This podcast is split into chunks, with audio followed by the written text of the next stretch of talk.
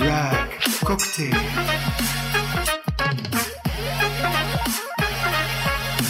Een nieuwe aflevering van de podcast, inderdaad. Christopher, welkom. Dank wel, Selina. Welkom ook. Eh, inderdaad, straks de aflevering. Eh, fantastisch. We, we gaan erdoor. Als een speer Als gaan we erdoor. speer. Al heel wat interessante mensen hier in de studio ja, gehad. Ja, ja. En over eh, interessante mensen gesproken. Ik denk dat we eigenlijk vandaag iemand heel interessant bij ons hebben. Iemand die eh, momenteel heel veel over de tongen gaat eh, en waar heel veel mensen zich weer van afvragen, hoe gaat het nu Ja, met... en, en wat is er aan de hand met Juna Mystica?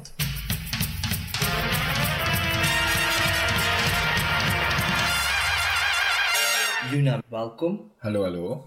En wat eh, leuk dat we hier jou nu eigenlijk toch mogen verwelkomen. Ehm, Beetje vreemd ook, mag ik zeggen. vreemd, want eh, ja, eh, Juna is naast Juna zijnde ook Joran. En Joran is mijn beste vriend. Dus voor mij is het een beetje een raar situatie. Anderzijds, wel belangrijk en interessant om, om met Juna eventjes te horen, met Joran te praten. Ja. Over hoe het nu gaat. Want er zijn wel heel wat mensen die zich misschien wel de vraag stellen: hoe zou het nu zijn?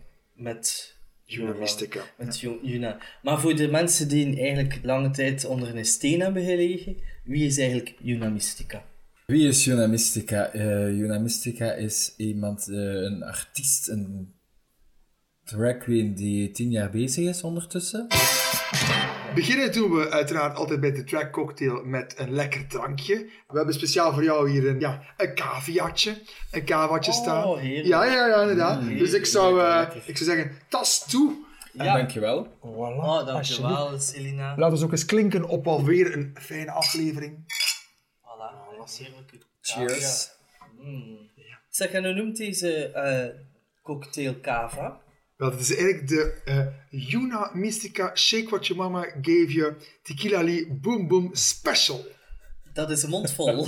dat, eh, Dat is nog maar de helft van haar naam. Want Yuna, daar moet je misschien een keer mee beginnen. Er komt telkens maar een naam bij. bij Yuna. Wat is het op dit moment de huidige stand van de artiestennaam van de mens die hier bij ons is? Juna Mystica, Stratton Tequila Lee Boom Boom, Mama Ya, Joe Winfrey, Versace, Nastrovnia, Plastic Bitch, Drama Queen, Comea Casa, Rosé.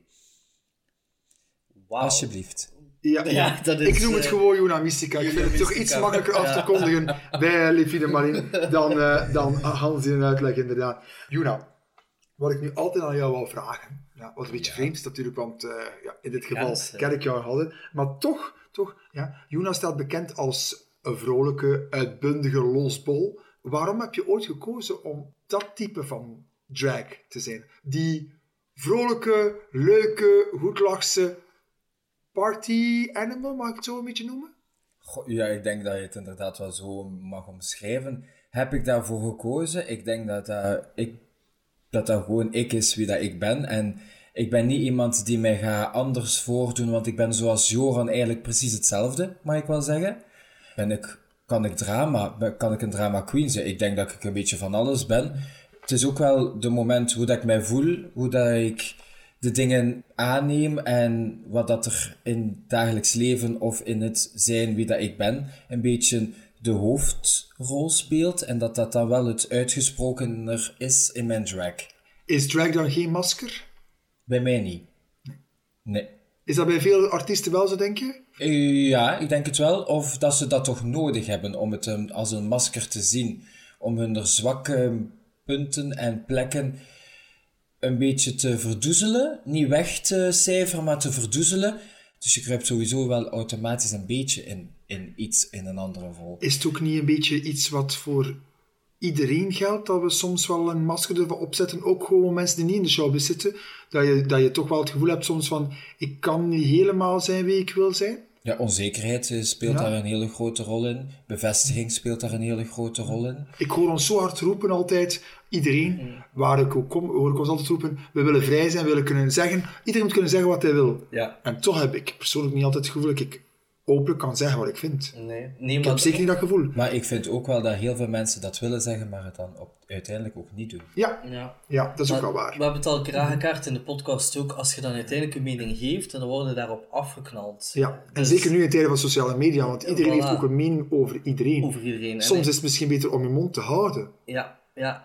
Het is ook zoals een sms'je of eh, een berichtje of inderdaad een post. Ehm, je kan dat op verschillende emoties of op verschillende manieren eh, lezen. En het is ook goed dat je jezelf voelt, dat je het ook opneemt. En ik denk dat dat bij heel veel mensen wel soms verkeerd opgevat wordt. Ja, Zo. en heb je, heb je jezelf al betrapt op dingen verkeerd opnemen? Eh, als ik zelf inderdaad een beetje in de fury ben, dan kan ik iets heel anders Ja, dan, eh, ja. lezen dan Ja, dat het ja. Het is ook omdat je het leest, je leest het zoals dat je het zelf interpreteert. Hè? Ja. Niet zoals de persoon het altijd gestuurd heeft, inderdaad. Heb je, heel, va- heb je vaak het gevoel dat je, je echt jezelf kan zijn als Juna Mystica? Ja en nee, ik probeer dat zoveel mogelijk wel, want ik ben een flap uit, ik ben spontaan, ik ba- babbel tegen iedereen, ik wil ook wel graag gezien worden door iedereen, dus ik doe daar ook wel heel erg mijn best in. Dus ik denk wel dat ik heel erg mezelf en, en toch wel ik ben. En dat je ook wel, als je mij ziet, ook ik zie. What is what you get. Ja, en het is natuurlijk, ehm, er zijn dingen dat je niet op een boeking kan zeggen over je privé. Daarvoor is het ook privé. Maar ik denk wel dat ik mijn best doe om zoveel mogelijk ik te zijn. Ja, heel, heel authentiek. Ja, ja, en dat heeft Juna en, en Joran, dat heeft Juna Mystica inderdaad. Hè? Ja, je, bent, je bent heel authentiek. What you see is what you get. En dat heeft voordelen, dat heeft ook of soms, soms moeilijke momenten. Je hebt ook al moeilijke momenten gehad. Maar misschien is dat wel de kracht van Juna Mystica, waarom ze zo populair is. Bij collega's ook heel hard. Door die extra... Ik, allee, ik heb je altijd een Ja. heel extravagante queen gevonden, maar in de goede zin. De, dat vind ik net zo heel speciaal. Ik vind jou heel uniek als queen.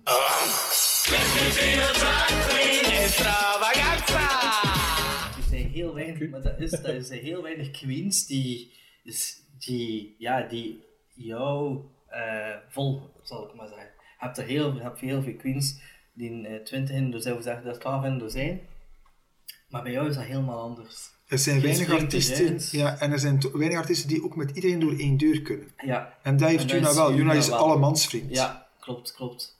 Zou jij dan, nu dat je spreekt van vrienden, zou jij als Joran, Juna als vriend of vriendin willen hebben? Ja, sowieso. Ja? Jawel. Ja? Ik denk dat Jo- Juna ehm, het, het, het, het, het onzekere uit Joran trekt. En dat Joran het een beetje Juna doet temperen. Dus ja, dat, ik denk dat dat wel een goede combo ook is. Soms verlies je elkaar eens, maar ik denk dat dat in het dagelijks leven altijd zo is. is. Soms verlies je jezelf eens, soms verlies je eens je beste vriend. Door iets of door wat dat, dat je meemaakt. Maar ik denk dat we elkaar heel goed zouden aanvullen. Ja, daar ben ik wel van overtuigd. Zijn vrienden belangrijk in het leven? ja, heel belangrijk. Vrienden zijn voor mij het belangrijkste om, om mij gelukkig te houden en, En, kan, te doen en maken. kan je kun je de vinger opleggen waarom dat zo belangrijk is? Omdat Waarom ik heel onzeker ben en omdat ik in mijn gevoel en in het Joran dan heel erg een warm nest en liefde heb gemist. Had je vroeger dat ook al? Vond je het vroeger ook zo belangrijk om, om populair te zijn? Nee, want ik was helemaal niet populair en ik was heel extravagant als ik dan terugga naar mijn schooltijd. Omdat ik me vooral aan het zoeken was wie dat ik ben, wat dat ik, ik wil worden, ehm, welke richting, welke stijl.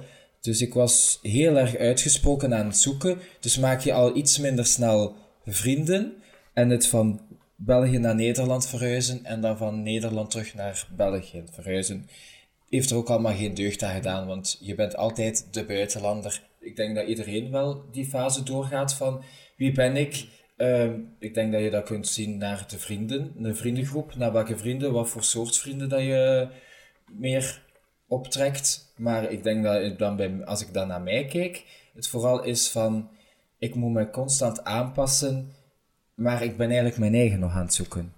Dus dat is heel veel. Ik denk dat dat een beetje het, eh, het levenspad van iedereen is, of toch zeker van bij mij. Had ik maar dit en had ik maar dat. Je, eh, Juna, je hebt ons gevraagd eh, om een eh, aflevering, om een episode met jou eh, ja, door te nemen, om hier bij ons aan tafel te komen zitten. Ik denk dat ik mag stellen dat Juna Mystica de laatste jaren op een trein heeft gezeten, heel veel shows heeft gedaan. Ging heel snel, altijd maar doordoen, zoveel mogelijk optreden, zoveel mogelijk in de belangstelling staan. Entertainen, wat ze graag doet, wat Joran graag doet. Hè. Dat is wat dat jou, jouw passie is. Tot begin oktober. 6 oktober, om precies te zijn. 6 oktober 2023, dat is nog niet zo heel lang geleden. Nee, inderdaad. En daarvoor wou ik ook per se deze podcast doen. Omdat ik heel veel uh, vragen, heel veel ontwetendheid bij de mensen, wat ook normaal is, want ik ben van het springend veld, de losbol, de, degene die bij iedereen wel contact probeert te zoeken, naar niets niet meer. En dan krijg je natuurlijk vragen en dan maken de mensen hun ongerust. Of ja, dan begint het, uh, het te rollen. Hè? Je was ineens weg. Ja, inderdaad. Voor iedereen was je ineens weg. Iemand die zoveel aanwezig is op sociale media, op feestjes, op shows. Ineens was er geen Juna of Jora meer te bespeuren. Dus mensen gaan zich inderdaad vragen stellen. Waar was Juna? Waar was ik? Joran. Ja, die uh, eh, 6 oktober uh, ga ik niet zo snel vergeten. Ik was me aan het klaarmaken voor uh, de show met Livie de Marine. En ik had nog een foto gestuurd dat ik een vlindertje had getekend op mijn gezicht. Klopt. Ah, en, oh, precies een vlinder, sorry als ik dat... Nee, dat was gewoon de stijl van mijn okay, ja. oogmake-up dat ik gedaan had. En als ik goed naar boven keek, dan leek dat precies op een vlinder. Dus dat vond ik wel grappig, zoals dat ik ben. ik maak van alles een lolletje. Maar dat lolletje heeft niet zo lang geduurd in een uh, dag. Want uh, op een gegeven moment kwamen er drie politieagenten in mijn kapsalon toe. En uh, hadden ze gevraagd of dat ik mij wou schminken en mee wou komen naar de gevangenis. Het was een rechtszaak dat ik ehm, op de stapel heb gelegd van mijn papieren en uh, niet meer bij stilgestaan heb, omdat alles een rollercoaster is en omdat alles een beetje te veel was. Maar zoals Johan of Juna is, gewoon doorgaan en ik kan het allemaal zelf op, oplossen, was dat mijn krak en was dat hetgene dat ik juist niet mocht vergeten. Dus uh, Juna of Johan moest naar de gevangenis. Daar heb je daar heb je een aantal uh, weken gezeten. Ja. ja. Voor heel veel onwetendheid bij jou, bij ons ook. We moeten daar ook niet stom over doen. Uh, wij hebben toen de opdracht gekregen, de vraag gekregen om te melden dat je aan jezelf moest werken. Wat ook waar is. Aan jezelf moet werken, waar heel veel mensen direct een link legden met ze zal in misschien in een afklikkliniek zitten of ze zal uh, moeten werken aan, aan verslaving. Wat in jouw geval nu niet zo was, het ging, uh, ja, zat op een andere plaats. Kan je nog inbeelden hoe die eerste uren waren? Ja, mee dat ik dan uh, moest meekomen, heb ik mij ontsminkt en uh, mocht ik gelukkig ook nog andere kleren aandoen, omdat die onder de glitter zaten. En uh, dat was nu niet zo'n strak idee om daarmee met die kleren de gevangenis in te gaan. Ook omdat ik niet goed wist. En ik denk dat de meeste mensen dat niet echt weten hoe dat, dat is in een gevangenis. Mocht ik nog gelukkig andere kleren aandoen. En dan ben ik in de politiewagen uh, gestapt en dan zijn we naar de Nieuwanding gegaan. En dat was heel, heel, heel um, beangstigend. Uh, vooral omdat ik er niet op voorbereid was, omdat ik ook nooit gedacht had dat het zover zou komen. En omdat ik mijn mama, mijn zus en mijn vrienden, die zo belangrijk zijn in mijn leven, achterliet zonder te zeggen het komt wel goed, wat ik altijd zeg, maar deze keer kwam het niet goed. En hoe, hoe hard heeft dat voor jou uh, ja, erin gehakt? Dan moment van ik laat iedereen achter? Uh, heel erg. Uh, en daar heb ik ook in de, de, periode dat ik in de gevangenis heb gezeten, wat dat vijf weken is, over nagedacht. Was het toch beste straf? Dat weet ik niet. Maar ik had het misschien ook wel nodig. En dat durf ik ook wel te zeggen. Het was een wake-up call voor je. Ja. Was de laatste dat ook maar kon. En die heeft mij inderdaad wel... Uh, die heb ik gepakt. die wake-up call. Het frappante is dat het iets is wat niemand verwacht had. Waar je ook nooit kan voor voorbereiden, denk ik. Nee. kan je daar niet op voorbereiden, want letterlijk horen dat, dat je klaar was, geschminkt klaar stond om te vertrekken die vrijdagavond, waarbij dat ik in mijn geval al klaar stond op, het, uh, op de plaats waar we moesten optreden, om klaar om mij te schminken, om dan te horen eens, oei, er staan hier mensen die mij komen halen. dat was een heel rare, rare vrijdagavond. En net een week voor de première van onze nieuwe show, waar wij met ons vijf allemaal heel hard aan uh, gewerkt hadden. Dus ik denk dat dat als groep pittig geweest is, sowieso. En dat wij inderdaad daar als groep sowieso ook sterker uitkomen. Daar ben ik van overtuigd. Maar het is wel iets wat niemand verwacht had. Is ook jij niet, hè? Nee, inderdaad. Ik vind dat heel moedig dat je daarover wil getuigen, dat je daarover, dat je daarover praat. Wat is de reden? Waarom vind jij dat het... Je had het ook een masker kunnen ophouden. Je had ook kunnen zeggen, ik blijf bij het punt dat dat... En wij ook als vrienden, wat ons toen gevraagd is geweest, van we blijven bij het punt van Joran moest aan zichzelf werken. Waarom, waarom valt dat masker af? Of waarom wil je dat masker niet ophouden? Ja, mag ik erop inpikken? Ja. Waarom is het zo belangrijk om de waarheid te delen met iedereen? Omdat ik ook altijd ben wie dat ik ben, zonder een uh, masker dan met het principe van ik kan mijn mond niet houden, want ik ben een flap uit. Dus bij mij moet je zeker niets vertellen in, uh, dat ik niet dat mag doorvertellen, want daar ben ik niet goed in. dat kan ik getuigen. Dat kan ik getuigen. En waarom? Ik, uh, ik ben terug buiten gekomen en er zijn de wildste verhalen van mij rond de ronde gegaan. Ik heb inderdaad tegen mijn familie gezegd en tegen dan mijn naaste beste vrienden om te zeggen dat ik aan mezelf moest werken, wat dat ook niet helemaal niet waar is. Want ik moest ook aan mezelf werken, daarvoor de laatste wake-up call. En zoals dat ik ook ben, ik wou het zelf vertellen. Ik wou zelf mijn verhaal doen, want als je A zegt of een halve A, maken ze de rest van het verhaal spannender, groter, uh, mysterieuzer. En ik wil gewoon mijn verhaal doen. Mm -hmm. Zoals dat ik ben. Zoals het is, ja. ja Eén keer en nu ook niet meer nodig om het aan te iedereen blijven, te vertellen, want ja. iedereen kan het horen hoe het ja, eigenlijk. Staat, uh, zwart op Wil je het weten? Luister naar deze podcast. Mooi, dank u. Ja? Dank u. Alsjeblieft. Nee, dan, ja, ik vind het uh, heel, uh, Celine zei het al, heel moedig. Um, en ik kan begrijpen dat, dat zoiets een hele grote impact is. En om dat zomaar al meteen mee te geven, ik zag ook een traantje uh, wegpinken. Ik, het is, ik vind het zelf ook moeilijk om, om ze te horen. Um, dus ik kan me heel goed inbeelden dat het um, een heel zwaar gevoel is om dit, om dit te vertellen aan iedereen. En zeker ja, de luisteraars die we hebben. Maar ik ben er wel van overtuigd dat je hierdoor wel sterker uh, gaat uitkomen. Um, door dit hier nu zo te verkondigen. Dus ik wil u daarom bedanken. Dankjewel, dankjewel. Sowieso denk ik dat ik er uh, sterker uit ben gekomen. Daar ben ik ervan overtuigd. Het heeft mij gewoon gekraakt. Het heeft mij doen beseffen dat ik niet zo goed bezig was. En dat ik moest veranderen. Maar tegen dat je dat beseft, moet er eerst altijd iets gebeuren, zeggen ze toch altijd. En bij mij is dat niet anders dan anders. Ja. Ik ben nog nooit bang geweest in mijn leven. Want ik ben iemand die voor iedereen zal opkomen en zonder na te denken.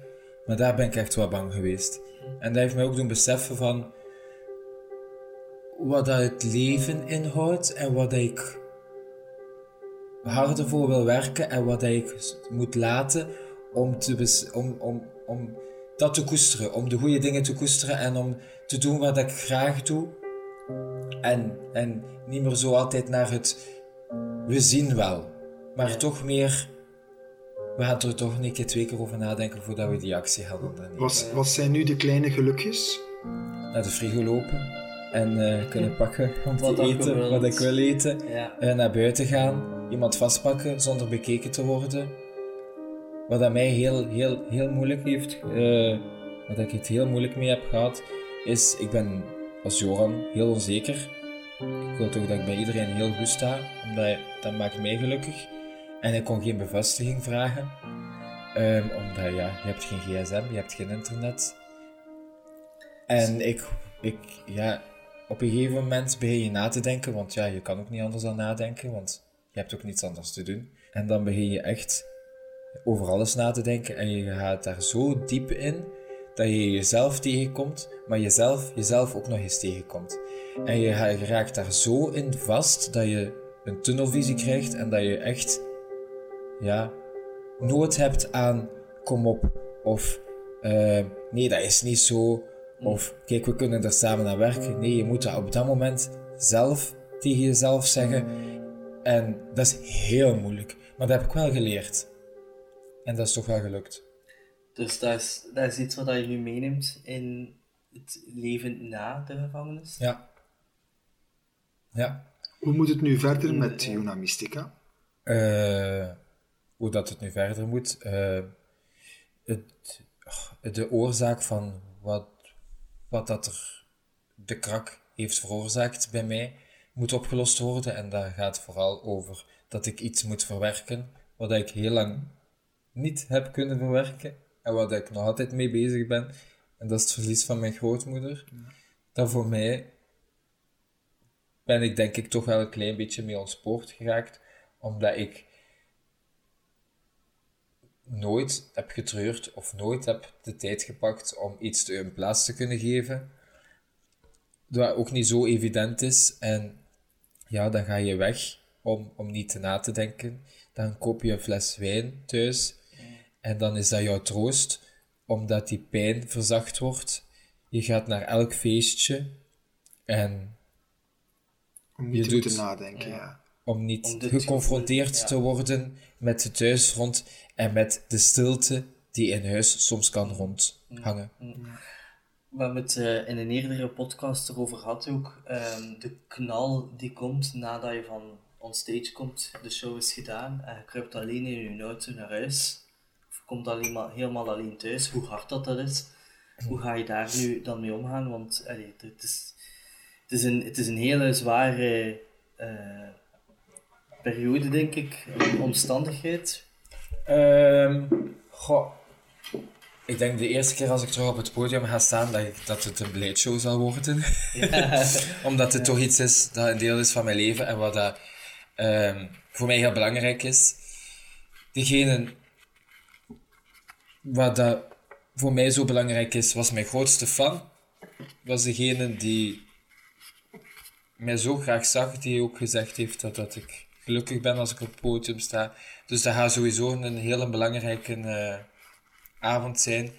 Maar ik heb hele goede vrienden.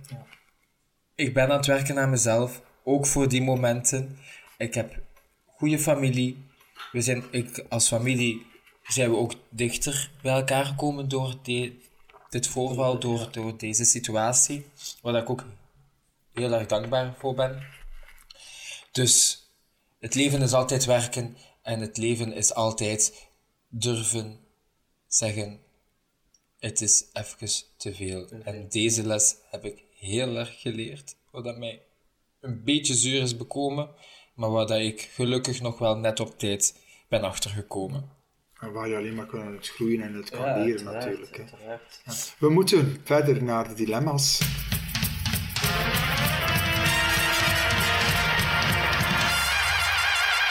Doe, we gaan het een beetje vrolijker houden. hè. Ja, Dus, eh. Ehm, goed, ehm, jouw opkomst op een podium. Verkies je dat met een grote glitterbom met confetti, bam, en daar staat Juna? Of met een rookmachine met alle dramatiek er rond?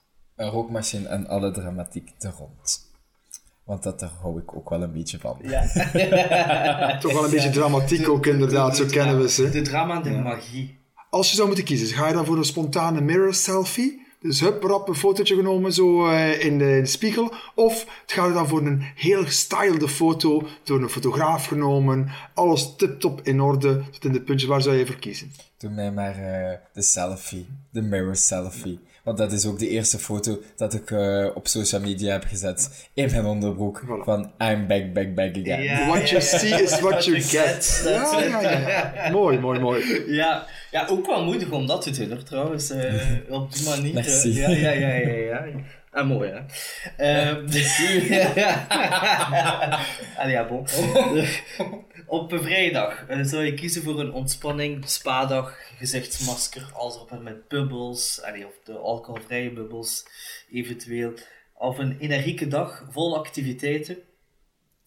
eh, met vrienden. Ja, met vrienden sowieso. Ja. En ik zou dan s'avonds de bubbels en de spa eraan linken. Ah ja, voilà. Dus- Maar dat is geen Dus- dilemma, dat zijn twee dingen dus, kiezen, eh, dat telt ja. in. Ja, oké, doe dat Maar met vrienden Ja. en heel de dag uitgestippeld Ja. en gepland. Ja, Als ja. iemand Joran mee wil nemen op restaurant, neemt hij dan best mee naar een eh vier-ster restaurant, alles erop en eraan, of ga je dan eerder liever gezellig naar het dichtstbijzijnde frietkot, bij manier van spreken, een frietje stekken? Doe maar gewoon een frietje stekken of naar de Amadeus of zo. Gewoon Ah, Ribbekjes gaan eten. Ja, ja, ja. Leuke ja, ja. babbel, doe, doe mij veel meer deugd en heb ik meer genot van dan chic te gaan eten en dan aan de andere kant van de tafel te zitten en dan bijna niet te Ik kunnen dacht, ik dacht, Christophe, dat ze ging zeggen, ja, doe maar eerst dat chic etentje en dacht- ga toch nog honger hebben, daarna gaan we een frietje gaan stekken. Ja, ja. Wel op die manier, ja. Dat zijn geen dilemma's, hè, Celina? Nee, dat zijn geen dilemma's. Een heel spittige dilemma wel, eh, de volgende. Eh, kies je voor heaven or hell?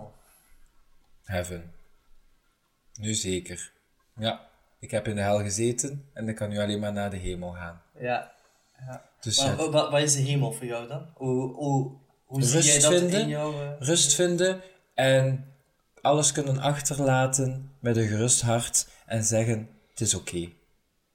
En niet dingen achtergehouden hebben of nog had ik maar dit. Rust vinden in uw hoofd Ja. en rust vinden in het zijn wie dat je bent. Komt er ooit een moment dat Joran of Juna Mystica rust gaat vinden? Ja, ik denk het wel. Daar ben ik heel hard aan aan het werken. En ik denk dat... Ik zie het ook al aan mezelf, dat ik veel meer rust heb gevonden. in die vijf weken? Ja.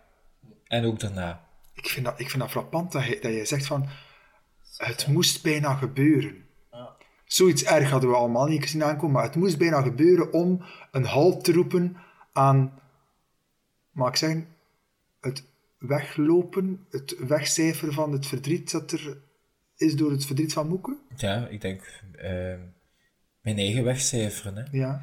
En ik ben iemand die heel erg andere content stelt. En ik merkte het ook wel aan eh, de kleine dingen, zoals dubbele boekingen. Omdat ik bij iedereen ja wil zeggen en iedereen content wil stellen. Maar op het einde van de rit maak je het alleen maar lastiger voor de andere mensen, maar vooral voor jezelf. Omdat je om den duur in discrediet staat bij iedereen. En dat is niet wie dat ik ben of wat dat ik wil zijn. Ja. Iets, iets, je hoeft er niet op te antwoorden, maar ehm, je zegt ja, het had bijna hoeven te gebeuren. Hè? Dit, eh, had het liever wel niet gehad, maar oké, het is dan nu gebeurd om tot een rein te komen met jezelf. Ik zou dan eerder denken, ja, dan ga je in een opname in een psychiatrisch ziekenhuis of zo, om zoiets te doen, hè, om je eigen af te zonderen, waarvan dan eh, moest dat de gevangenis zijn om die, die wake-up call te krijgen. Omdat ik zoals... Ik denk dat dat zo moest zijn, omdat ik het, ja, het ontkende eh, dat er iets was, of dat het zo, zo erg was. Ik ben ook iemand, ik wil alles altijd zelf oplossen. Ik wil ook niemand om hulp vragen, omdat ik heb dat niet zo echt gekend. En ik wil er ook niemand mee belasten of mee, mee. Ik zal het zelf wel oplet- oplossen. Ik wil gerust jou helpen, maar ik hoef zelf niet geholpen te worden. En zoals dat ik ook ben, ehm bam, moest dat ook met een bam gebeuren. Want anders zou ik het nooit zo, of zou het nooit zo zou bin- zijn binnengekomen als nu. Dan kun je wel stellen dat het inderdaad met een uh, baan kwam, want het was heel onverwacht. En toch zat het er al lang aan te komen dat er een keer iets ging moeten gebeuren. Maar ja, niemand had dit uh, uiteraard verwacht. We hebben een uh, vraag. We hebben een vraag van, een vraag van de vorige. van de vorige uh, gasten. Yes. Hier komt ze.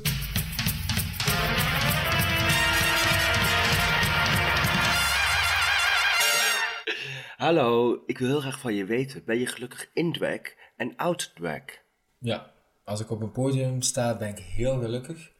Omdat dat iets is waar ik blij van word. Ik kan de mensen doen entertainen, ik kan de mensen doen wenen, ik kan de mensen doen dansen. En dat maakt mij heel gelukkig. Ik kan ook uren bezig zijn met mijn make-up.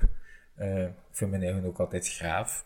Ja. ja, dat zeggen ja, ze ook ja, wel meestal tegen mijn eigen. Ja, ja. zijn ook weinig mensen die zo'n look hebben. ja, nee, maar en als Joran kan ik op dit moment wel zeggen dat ik gelukkiger aan het worden ben. Mm. Dus ik ben goed bezig, denk ik. Ja. Ik kan alleen maar, en ik moet ook alleen maar zo verder doen. Ja, the only way is up, uiteraard. Yep. Ja. Hoe dun is die lijn dan uh, tussen die emoties, hè, de, de uitbundige gelukkige mensen, tranen, eh, persoon op podium en ehm, het intens verdriet of depressief gevoel thuis. Hoe dun zit die lijn daar? Die was heel dun, omdat een komiek is ook, die lacht ook altijd alles weg. Die weet ook met zijn emoties geen blijf. Daarom gaat hij altijd in het extreme. En ik denk dat ik mijn eigen daar wel een beetje mag, maar, mee mag vergelijken. Ik kan alleen geen moppen om te houden. Maar, maar ik lag ook altijd alles weg. Dus Ja. ik denk dat die, die, die, die lijn of die draad is heel dun. Dun. Maar daar ben ik ook mee aan, aan het werken. Ja. Om, wat ik zeg, rust te vinden en gelukkiger te worden. Dat Joran heel trots op Juna, dat is duidelijk. Dat weet iedereen, want, want Juna is een bom. Juna is een bom van entertainment, van passie op het podium. Dus Joran is heel duidelijk fier op Juna Mystica. Zou Juna Mystica ook fier zijn op Joran? Ja, ik denk eh, met hoe dat eh, Joran nu bezig is, mag ze wel fier zijn. En eh, ik denk ook wel dat ze dat, eh, dat is. Ja, jawel. Ja. Maar het heeft zijn tijd nodig en tijd brengt, brengt raad. Hoe dat Joran nu bezig is, hoop ik dat ik dat verder kan zetten. Ja. Het is allemaal heel vers. Tot slot, welke eh, doelen zijn er voor Juna Mystica als artiest op het podium? nog even rust nemen, even alles laten bezinken en dan met een knal terugkomen, zoals dat Juna Mystica is. En ook zonder, ik doe dit in namens van Joran en Juna, om mijn verhaal te doen, ook om even mijn vrienden te bedanken, de mensen, de lieve berichtjes, de brieven eh, die ik gekregen heb van iedereen, familie, vrienden, eh, buren. Dat, dat heeft mij heel erg deugd gedaan, dat heeft mij ook wel heel veel kracht gegeven. Bij deze wil ik dat één keer doen, mijn verhaal. En eh, dan wil ik het ook afsluiten voor de vragen. Afsluiten in mijn hoofd nog niet, want ik wil echt weer werken aan mezelf. Maar ik kom terug en stronger than before, darling. Ik verwacht de rookmachine. ja, en heel veel drama. Dankjewel, dankjewel voor een, eh, een heel oprecht, open eh, gesprek. Ik ga je een knuffel geven. Dankjewel. Hier, man. Ja, er wordt hier dus intens geknuffeld, ehm, luisteraars. En ik zie zelfs een traantje wegpinken. Nee, heel mooi, heel mooi. Ik, eh, Joran ook super bedankt eh, om hier eh, jouw verhaal te doen. Jullie bedankt dat ik het mocht Een Heel- verhaal dat speciaal is, dat Ja. uniek is en toch misschien voor veel mensen ook herkenbaar is. Ja, ja, absoluut, absoluut. Ja. En misschien is dat ook voor sommige mensen een wake-up call van ik moet echt, oké, ik, ik wil zo ver niet gaan. Eh, dus heel veel respect voor jou. Dankjewel. Zeker Heel als veel respect. werken aan jezelf. Yes. Voilà. Joran, dankjewel en eh, veel bedankt. succes. Merci, dankjewel. Christopher, dat was Ja. het voor eh, deze episode. Wat een eh, verhaal hier. Dus eh, ja, ik moet het even laten bezinken. Eh, maar heel fijn. Selina, ik vond het ja, warm alweer om met jou dit samen te doen. En ik wil ook eh, de luisteraars bedanken. En blijf ons volgen, volgen, volgen. Als je met vragen zit eh, na deze episode ook, dan eh, zijn er zeker altijd mensen die eh, klaarstaan om te luisteren. Wij als eerste natuurlijk. Goed, Zeker wel. Christopher, tot Ja, volgende week. Selina, tot volgende week. Dankjewel. Bedankt, hè, Joran. Dankjewel, merci. Drag cocktail.